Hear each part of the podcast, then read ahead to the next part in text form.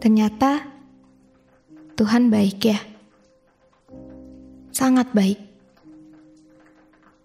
Sudah mempertemukan aku dengan kamu walau hanya sebentar dan hanya memiliki sedikit kenangan bersama. Gak apa-apa kok. Mungkin memang sudah jalan ceritanya seperti ini.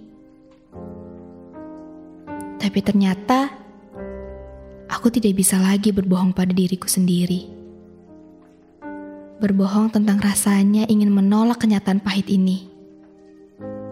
Di mana ternyata kamu yang sudah lebih dulu memiliki rumah untuk berpulang. Dan di mana aku sekarang yang kehilangan sosok rumah untuk aku berpulang. Aku hanya ingin menyampaikan rasa terima kasih ini secara langsung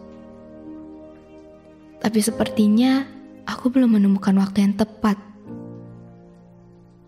Atau mungkin memang tidak ada waktu yang tepat untuk membahas ini denganmu. Terima kasih ya.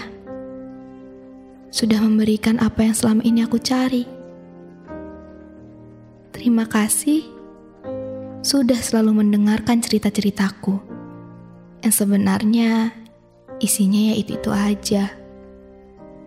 Terima kasih sudah selalu mendukung apa pun jalan yang aku pilih.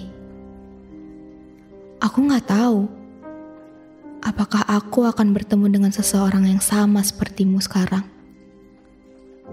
Karena sebenarnya aku masih berharap kalau kamu masih tetap bisa menjadi bagian di hidupku.